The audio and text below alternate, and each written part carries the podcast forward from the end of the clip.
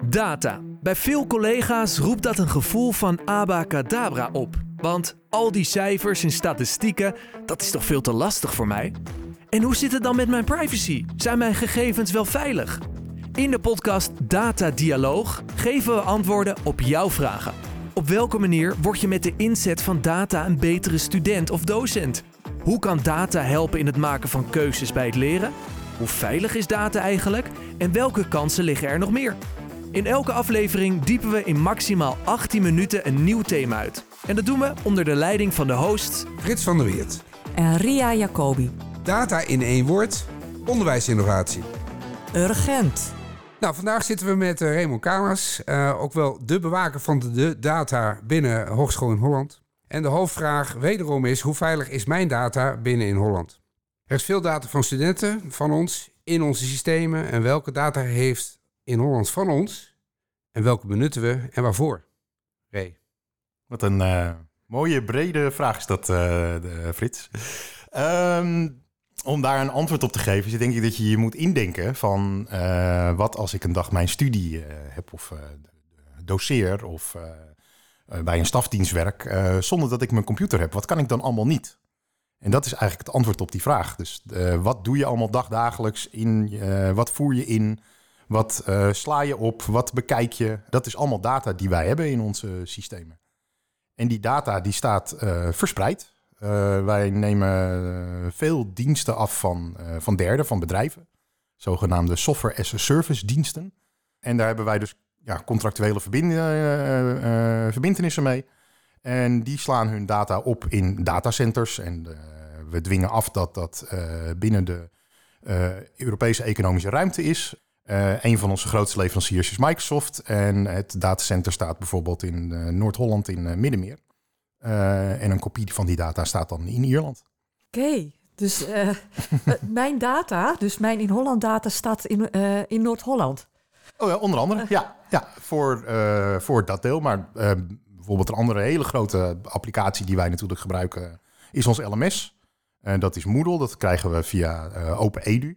Maar dat is ook zo'n SaaS-dienst. Dus die hebben ook, die, hebben ook servers of die nemen servers af.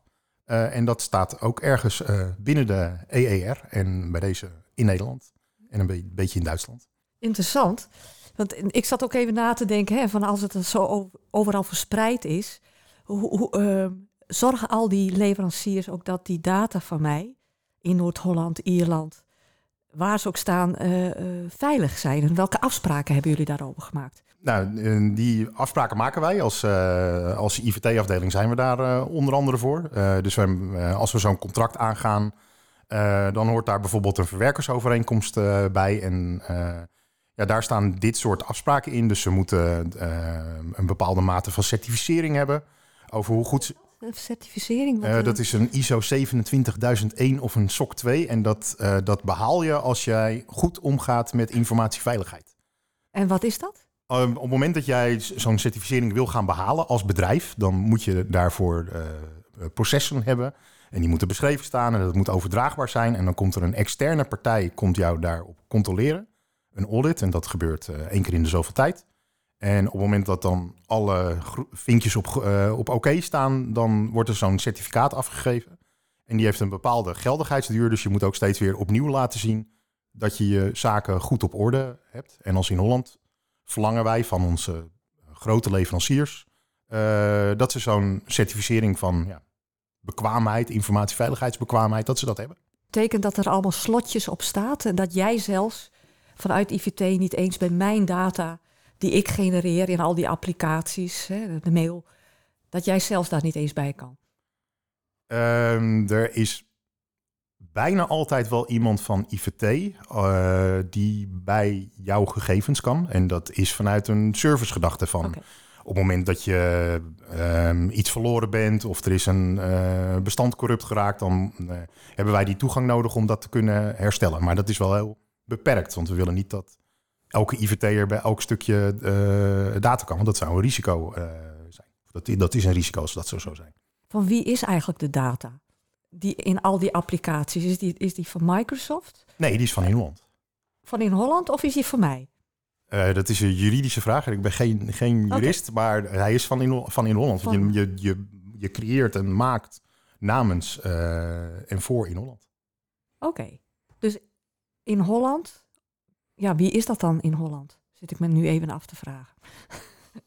is dat IVT of eh, wat, wat kan Ja. jij of jouw afdeling Ja, met mijn data doen?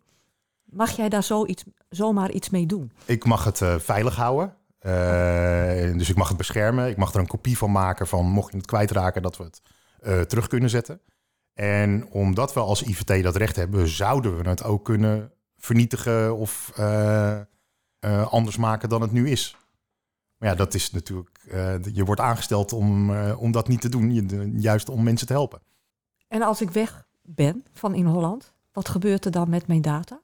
Nou ja, je werkt. Jullie die? Je werkt, en, eh, doe even de aanname, je werkt in teamverband. Dus wat jij maakt, dat is in belang van het team of in belang van het bedrijfsproces waar je in werkt of het onderwijsproces waar je in werkt. Dus die data die heb je voor, niet per se voor jezelf, maar voor dat eh, proces, eh, voor die mensen die daarmee omgaan. Dus ik doe even de aanname dat als je weggaat, dat je dat netjes overdraagt en zorgt dat eh, die mensen daarbij kunnen.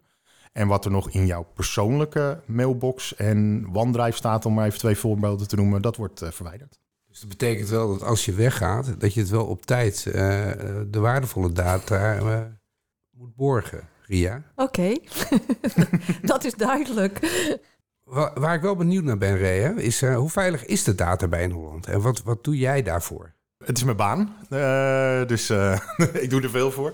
Ehm, het is steeds een stukje veiliger.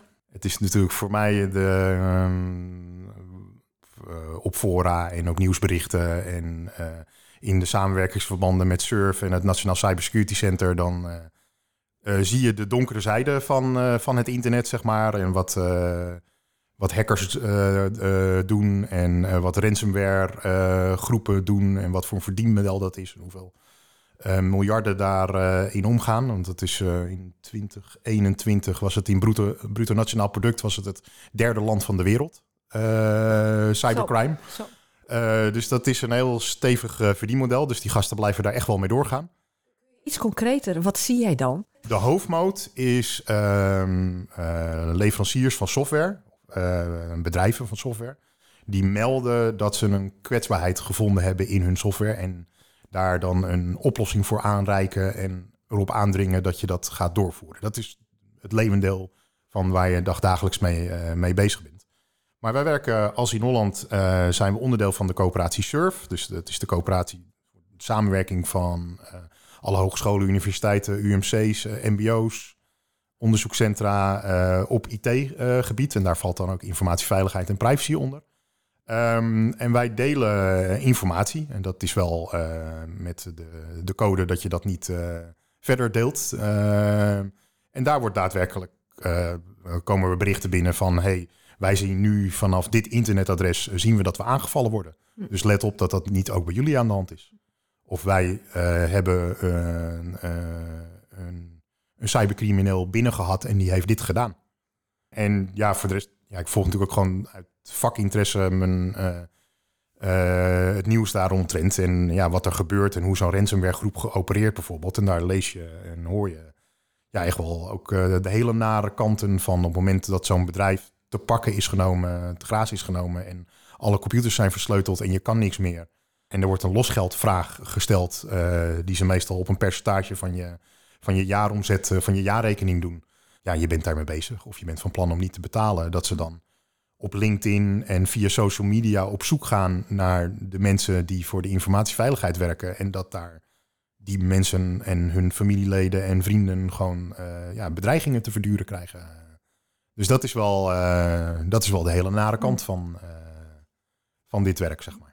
Eh, En wat je daar ook nog meer in doet, is natuurlijk gewoon de eh, vrij recent de ehm, zeer geslaagde eh, phishing eh, mail eh, actie Ja. binnen de in Holland context. Maar er zijn natuurlijk meer van dat soort activiteiten die we als in Holland ontplooien. Kun je daar eens wat meer over vertellen? Met, met die phishing-actie, misschien dat je daar ook even iets over vertelt. nou, prima. Ja. Zal ik daarbij beginnen? Ja. Eh, er zijn eh, ruwweg 16 manieren. Eh, eh, de grote Amerikaanse security research bedrijven die, die zoeken daarnaar. hoe je een, een, een, een netwerk als de onze kan binnendringen. of sorry, er zijn er 18. 16 daarvan die beginnen met e-mail, met een phishing. Dus een, dat een medewerker of student verleid wordt door een, met een valse e-mail om op een link te klikken en daar dan iets te doen. Ehm, dus daar moet je je tegen wapenen. En daar moet je je mensen op trainen en mensen bij helpen. En een van de manieren hoe je dat dan doet, is door een, uh, een phishing training e-mail uh, uit te sturen, zoals we recent gedaan hebben. En dat helpt in de, in de bewustwording. En nou, daar geven we dan aandacht aan. En we bieden een training aan, aan medewerkers en aan studenten hoe je cyberweerbaarder kan worden. Dus bij deze ook nog de aanmoediging. Iedereen ga dat, ga dat doen alsjeblieft. Ik weet niet of we hem kunnen linken onder de podcast. Ja. Uh, tuurlijk, tuurlijk.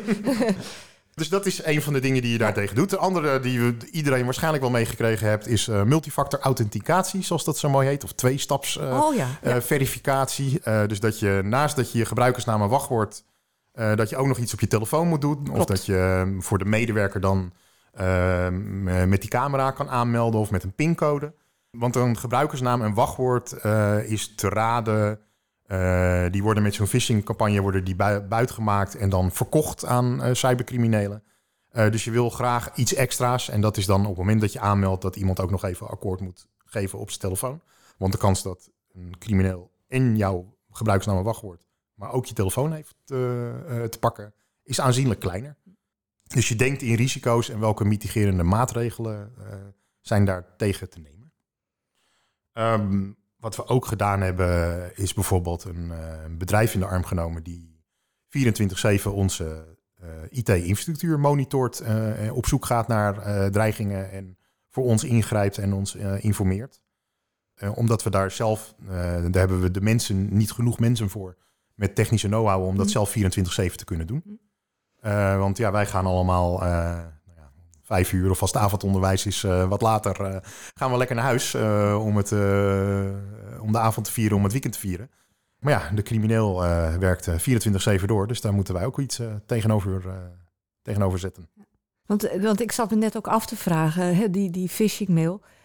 Hoe, hoe, kan het dat die, ondanks jullie veiligheid, hè, alle maatregelen die jullie hebben genomen, toch in mijn mailbox komen? Omdat we voor die specifieke mail dat hebben uitgezet. Ah dus we moeten zelf... Anders, anders werkt mijn, mijn phishing-campagne, zoals dat zo mooi heet, niet natuurlijk.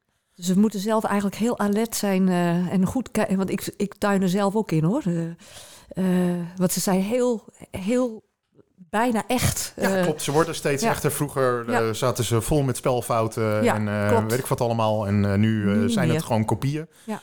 Um, en we hebben een meerlaags verdedigingsmodel. En uh, dat begint dus op de e-mail dan, dat begint op, op allerlei filters die uh, proberen op inhoud van de e-mail te filteren de, of dit echt is of niet. Je hebt een reputatielijst, dus dat wil zeggen van uh, afzenders die veel troep hebben verstuurd, ellende hebben verstuurd, die komen op een zeg maar soort zwarte lijst staan. Dus die e-mail die laten we ook al vallen. Ja. en dat is een optelsom en daar komt dan een score uit per e-mail. En bij een bepaalde score gooien we de e-mail gewoon linea recta weg, dus die ga je nooit zien. Um, bij een middengebied uh, laten we het in een quarantaine uh, onderdeel vallen. Daar kan je dan zelf heen om te kijken. Dan krijg je een, een berichtje van... hey, er staat e-mail voor jou in de quarantaine. Uh, en een groot deel is gewoon legitieme e-mail... en die laten we gewoon in, in je mailbox afleveren. Ja. Dat soort activiteiten worden dus allemaal gedaan... om de data veilig te krijgen en te houden. En ook jouw data, Ria, binnen in Holland. Oké, nou goed te weten. en ik voel me al een stuk veiliger. maar ik heb nog, nog wel even een vraag. Even, even, uh, even specifiek ook. Hè. We willen als in Holland steeds meer een volgende stap zetten in het benutten van data voor het onderwijs. Meer applicaties met de data erin. Hè, wat jij ook zegt, uh, maar uh, alle applicaties, daar genereren we gewoon data in. Als je dat hoort, wat gaat er bij jou dan triggeren? wat ga jij doen? Wat moeten we doen? Uh, wat moet ik doen? Um, ik wil dan beginnen met de oproep. Gebruik alsjeblieft applicaties die we als, in Holland als IVT aanbieden. Of, dus niet zelf aanschaffen, zeg je het niet of, als opleiding als of als team. Mis, als je iets mist, vraag het alsjeblieft aan. Ja. Uh, want zoals ik al eerder vertelde, dan gaan we zo'n uh, verbindenis aan met zo'n bedrijf. En dan gaan we zorgen dat het op informatieveiligheid en privacy goed geregeld is. Als je, kijk, je kan natuurlijk allerlei tooltjes en websites bieden hele mooie mogelijkheden aan. En die kan je gaan gebruiken. Ehm, maar als bijvoorbeeld daar de data van opgeslagen wordt in, in Amerika en je gaat daar persoonsgegevens in zetten, dan, dan overtreed je privacywetgeving op dat moment. Uh, ja, bewust, onbewust. Dus uh, doe het alsjeblieft via IVT en via de processen die we daarvoor hebben, de aanvraagbevoegden. Daar zijn we voor, dat willen we graag doen. En ja, dan komt er vast een lastige vraag. Maar ja, die, die kunnen we samen gaan beantwoorden. Dus dat is wel echt eentje die ik op het hart wil drukken. De andere, iedereen die dit hoort, vertel het voort en doe het zelf. Doe die, training op cybersecurity en privacy die we aanbieden via ons LMS. Paar uurtjes van je, ik geloof twee uurtjes van je leven, maar het uh, wordt er allemaal een stuk veiliger van. Ook voor thuis leer je tips en trucs hoe je beter met je IT-zaken om kan gaan en hoe het veiliger wordt. En de belangrijkste is, het is ik had het net al over een meerlaags defensiemodel, verdedigingsmodel.